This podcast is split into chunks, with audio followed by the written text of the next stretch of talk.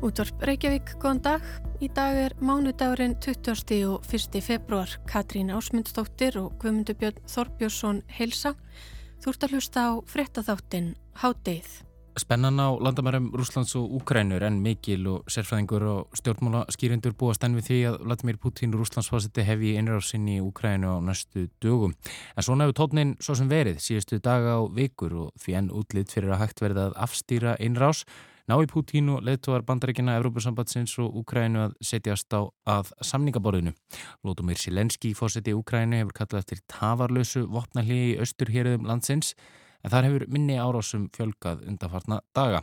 Það hafa Putin og Biden bandarækjafósiti samþýtt að hittast í eigin personu á næstu dögum og ræða mögulegar lausnir. Það geti þó aðeins gerst að því gefnu að rúsar ráðist ekki inn í Úkræninu fyrst. Við skoðum hvað hefur gerst síðustu daga og hvað gæti gerst næstu daga í Úkrænu deilunni í síðari hluta þáttarins.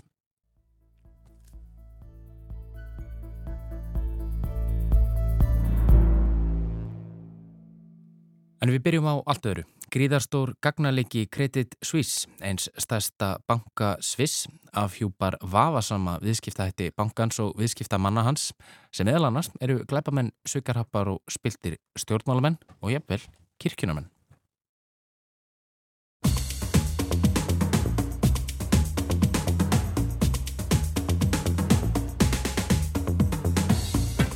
Nánast hverki er betra að reyna að koma illa fengunu fjö fyrir enn í Sviss eða svo hefur verið raunin í gegnum tíðina vegna strángra laga sem tryggja ríka bankaleint.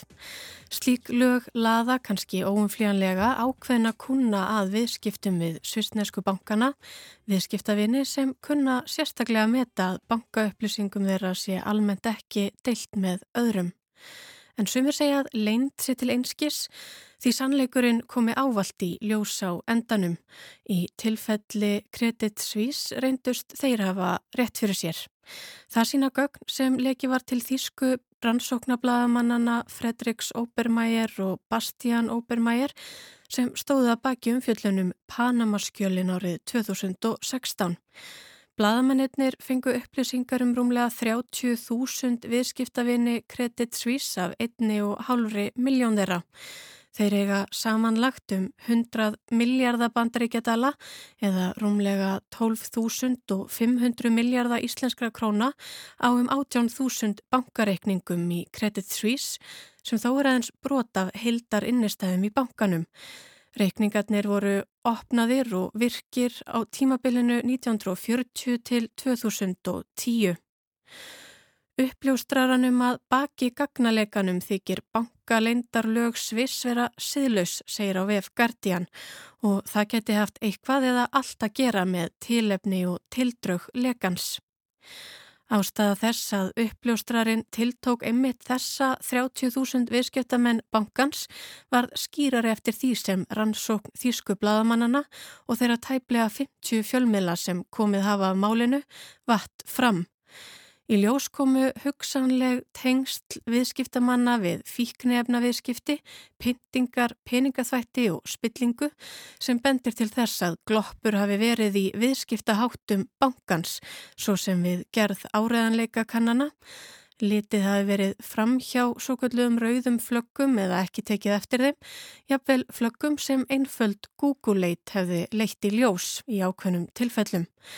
Það er að segja vannkanta í starfsemi bankans sem yfirmennans neyta staðfastlega og afdráttarlausta síðu til staðar í yfirlýsingum sínum í kjölfar fregna af lekanum.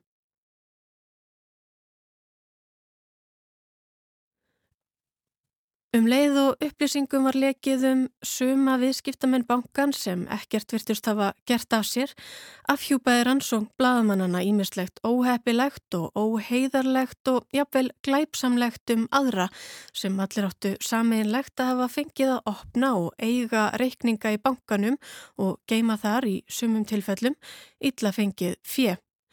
Reykningum sumraðeira var jafnvel haldið opnum þrátt fyrir að þeir hefðu verið fangelsaðir eða átt að heita að egnir þeirra hefðu verið fristar. Sem dæmi um óeftirsóknaverða viðskipta við neyma á nefna líbanskan miljardamæring sem fyrirskipaði morð á kærustu sinni, mannræningja á Filipsegjum, fjárfesti sem var dæmdur fyrir mútur í Hong Kong og sænskan tölvunafræðing sem var dæmdur í lífstíðar fangelsi fyrir umfangsmikið mannsal í Tælandi að þér fram kemur í frett á vef Rúf. Þá má nefna Pavlo Lazarenko fyrirverandi fórsetisráðherra Úkrænu sem dæmdur var fyrir fjársvik en samkvæmt saminuðu þjóðunum hurfu jafnverði um 25 miljardar íslenskra króna úr ríkisjóði Úkrænu í skamleifri valdatíð Lazarenkos að árunum 1996 til 1997. Með fyrstu verkumans eftir að hann hræktist úr embætti í Úkrænu var einmitt að opna bankareikning hjá Credit Suisse. Ekki má svo gleima tryggu viðskiptasambandi bankans við egifska einræðisherran Hosni Múbarak og hans nánustu fjölskyldu og bandamenn. Árið 2010, ári áður en Múbarak var steift af stóli í egifsku byltingunni, áttu þrýr sinir einræðisherrans jafnverði 31 miljards íslenskra króna á reikningum í Svisneska bankanum. Þeir þurftu þó að greiða Egifska ríkinu eitthvað að fjennu eða á annan miljard króna fimm árum síðar þegar þeir voru dæmtir fyrir fjárdráttur ríkisjóði. Bankareikningur Vatikansins í Credit Suisse hefur einnig vakið aðtikli. Hann var notaður í meintum fjárdrætti sem tíu hafa verið ákjærðir fyrir innan Vatikansins. Þar á meðal Giovanni Angelo Betsu, kardináli sem brátt hlítur þá og eftirsóknarverðu vegtillu að vera hæst setti klerkurinn í Vatikaninu sem verður látin svara til saka fyrir fjárglæpi og mísnótkun á valdi. En kardinálinn sem heldur tilli sínum þrá þrátt fyrir að hafa verið gert að segja af sér á síðasta ári, gengdi líkil stöðu á skrifstofinni sem tekur við fjárveitingum í Vatikaninu. Ákjærutnar snúað flóknu neti fjármálagerningaðar sem peningar kirkjunar voru færðir til í gegnum aflandsfélög tengt kirkjunni. Fjöð var til dæmis nota til fastegnaviðskipta eins og kaupa á rándirum íbúðum í Lundunum á kostnað kirkjunar en milliliðum til góðs.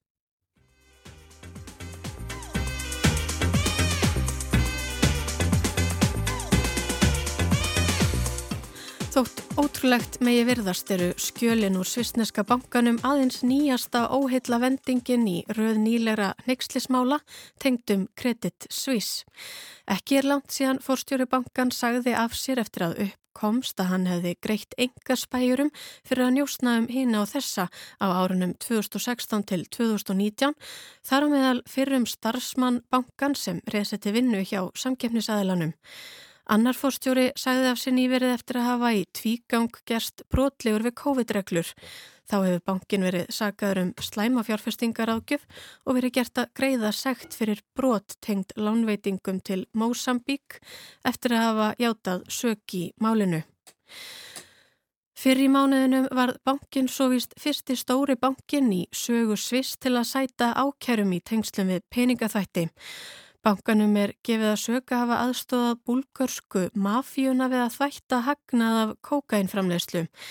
Í ofanálag eða sem afleðing málaferðla og sáttagreðsluna var tap bankans umfangsmikið á síðast ári. Það er svo bara að býða og sjá hvað verður úr, hvort og þá hvaða afleiðingar gagnalekin hefur fyrir bankan, viðskiptamenn hans og bankakerfið og verði gerðar úrbætur á kerfinu og viðskiptaháttum bankans, hvort þeir sem hafa illa eða er raun hvert þeir afsakið sem hafa illa fengið fjöundir höndum leita þá næst.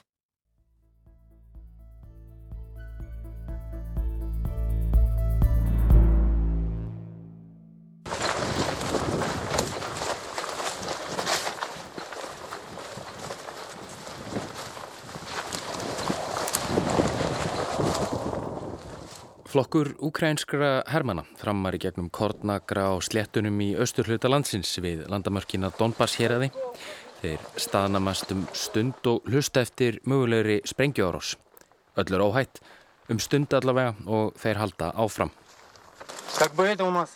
Síðustu daga hafa átökin í alþjóðu liðvildunum Donetsk og Lukansk í austurhluta Ukraínu á við landamæri Rúslands í vestri færst í aukana.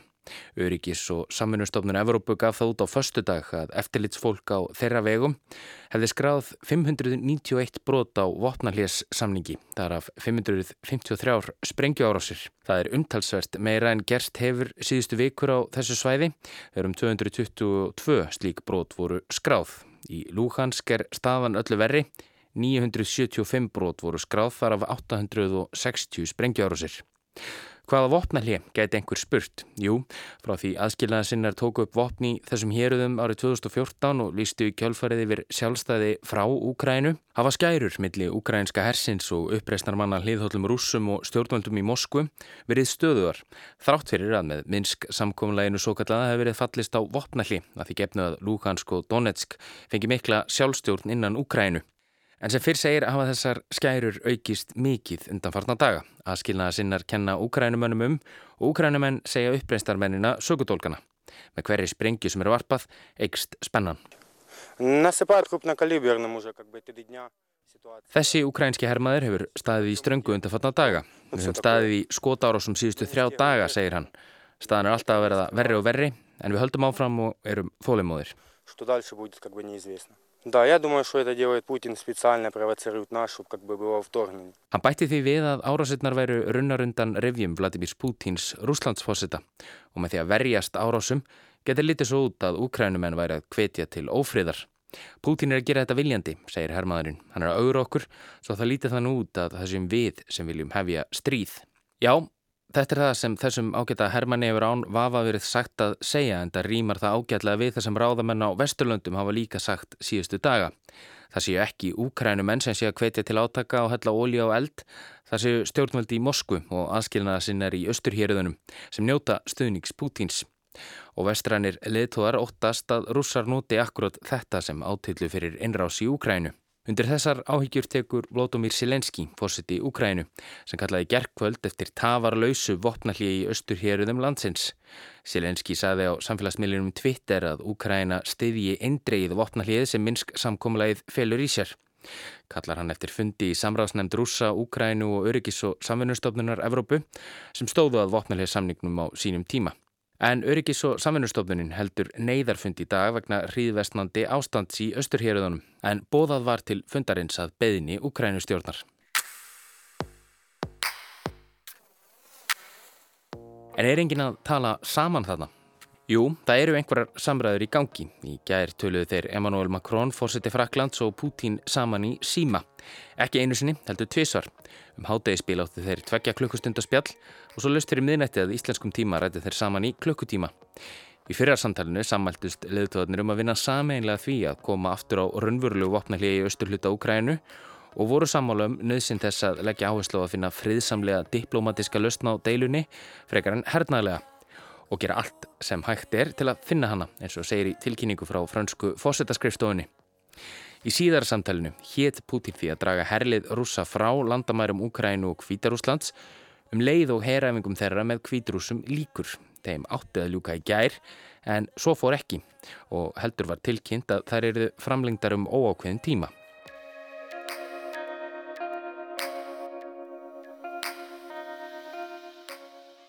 En þrátt fyrir þessi fáru fyrirheitir kollegi Pútins Vestanhafs, Joe Biden bandarækjafósiti, ekki sannfærður. En hann er hinsvegar sannfærður um að innrás rúsa í Úkrænu sé yfirúvæðandi. Á förstutaskvöld sagði fósitin í fyrsta sein með berum orðum og á nokkurs vafa að bandarækjastjórn telji að Pútin muni ráðast inn í Úkrænu á næstu dögum og fyrsta skotmarkið verði höfuborgin kænugarður.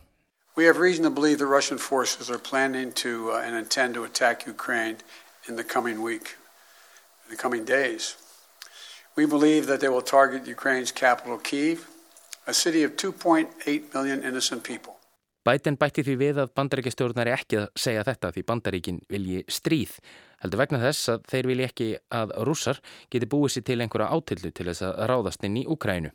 Farið svo að rússar ráðast inn verður það algjört stóslis og algjörlega óþarft stríð, saði Biden, stríð sem rússar hafi sjálfur valið. Make no mistake. If Russia pursues its plans, it will be responsible for a ca catastrophic and needless war of choice. Blaðmaður spurði þá Biden hvort hann væri í alvörni sannfærður um að Putin myndi ráðast inn í Ukrænu á næstu dögum. You are convinced that President Putin is going to invade Ukraine. Is that what you just said a few moments yes, ago? Yes, I did. Yes. Já, saði fósittin. Eru samningaviðraður þá úr sögunni, spurði bladamöður. So is diplomacy off the table then? No. All, until he does, diplomacy is always a possibility. Nei, nei, saði Biden. Samningaviðraður eru alltaf möguleiki. What reason do you have to believe he's considering that option at all? We have a significant intelligence capability. Thank you very Thank much. Á hverju byggiru þessa sannfæringu þína, spyr bladamöður á lókum. Við höfum unnið heimavinnun okkar, sagði fósittin og þakkaði fyrir sig. Og undir orð yfirmann síns tók Anthony Blinken, utanrikisráð þeirra bandaríkjana í viðtali við fréttastofu CBS í gær. Fréttakona CBS spurði Blinken hvort eitthvað bendi til þess að mati bandaríkistjórnar að Putin sé nú að snúast hugur varðandi yfirvofandi innrás. No, we don't. As President Biden said the other night, um, everything uh, we're seeing tells us that the decision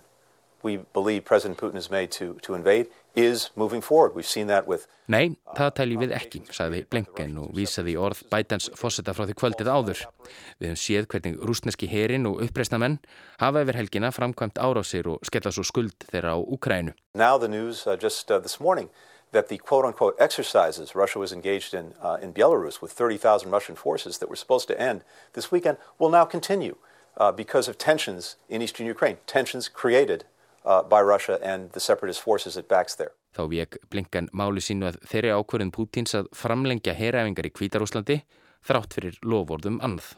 Í gerðkvöld barust svo fregnar því að þeir Biden og Pútín hafi ákveðið að hittast fljótlega í eigin personu til að ræða um stöðuna í Ukrænudelunni og lausnir á henni. Skrifstofa Emanuels Macron fraklandsfósetta sendu tilkynningu þess efnis í framhaldi að viðraða Macrons og Pútín í gerðkvöld en fyrirhugaður leðtóafundur þeirra Bidens mun verað undirlægi fraklandsfósetta. Ætlunin er að bjóða fleiri hagsmunu aðlum á borðinu, segir í tilkynningunni, til að ræða öryggi og hernaðarlegt jafnvægi í Evrópu. Fram kemur að skipulagning leðtóafundarins muni hefjast í tengslum við fund utrækisarað stórveldana þegar Sergei Lavrovs og Antoni Blinken sem að óbreyttu verður á fymtudag. Í yfirlýsingu frá Kvítahúsinu er staðfæðst að Biden hafi samþygt að funda með Putin með þeim fyrirvara þó að rússar ráðist ekki inn í Úgrænu í millitíðinni. Í yfirlýsingunni segi Jen Psaki, upplýsingafulltrúi fórsetta embættisins, að bandaríkinn séu staðráðin í að leita diplomatiska lausna allt þar til innrás hefst og því hefði Biden samþygt að hitta Putin að máli. En í morgun bárust svo þær fregnir frá Moskvu að allt talum hvernig, hvar eða hvenar slíkur fundur færi fram sé ótímabert. Þetta sagði Dimitri Peskov, talsmaður rúsnesku fórsetaskrifstofunar.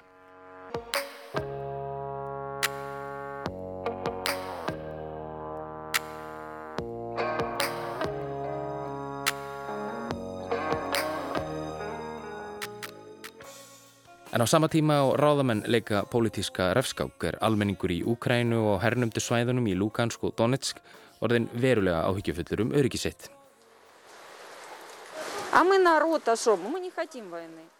Þessi kona í Donetsk er að búa sundir að flýja svæðið, ekki fylgir sögunni hvort hún haldi til Rústlands eða inn í vesturhluta Úkrænu. En hvoru liðinu eða hvorri þjóð hún tilherir er kannski ekki aðalatrið hér og ekki hennar huga heldur. Við, fólkið, viljum ekki stríð, segir hún. Við viljum lifa, við viljum elska hvort annað og faðma fólkið okkar. Любить хотим всех, обнять вот так всех.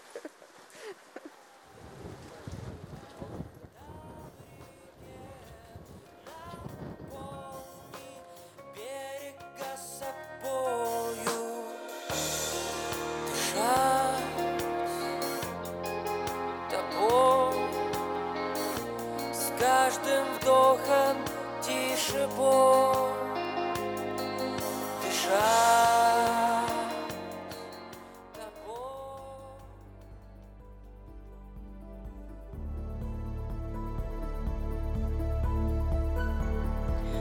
Hátið verður þá ekki lengra í dag. Við verum hér aftur á sama tíma á morgun. Þennan þáttu alla hinna er hægt að finna í spilaranum og á hlaðvarpsveitum og hægt að senda okkur post með ábyrningum á netfangið háttegið hjá rúf.is. Verið sæl og heyrumst á morgun.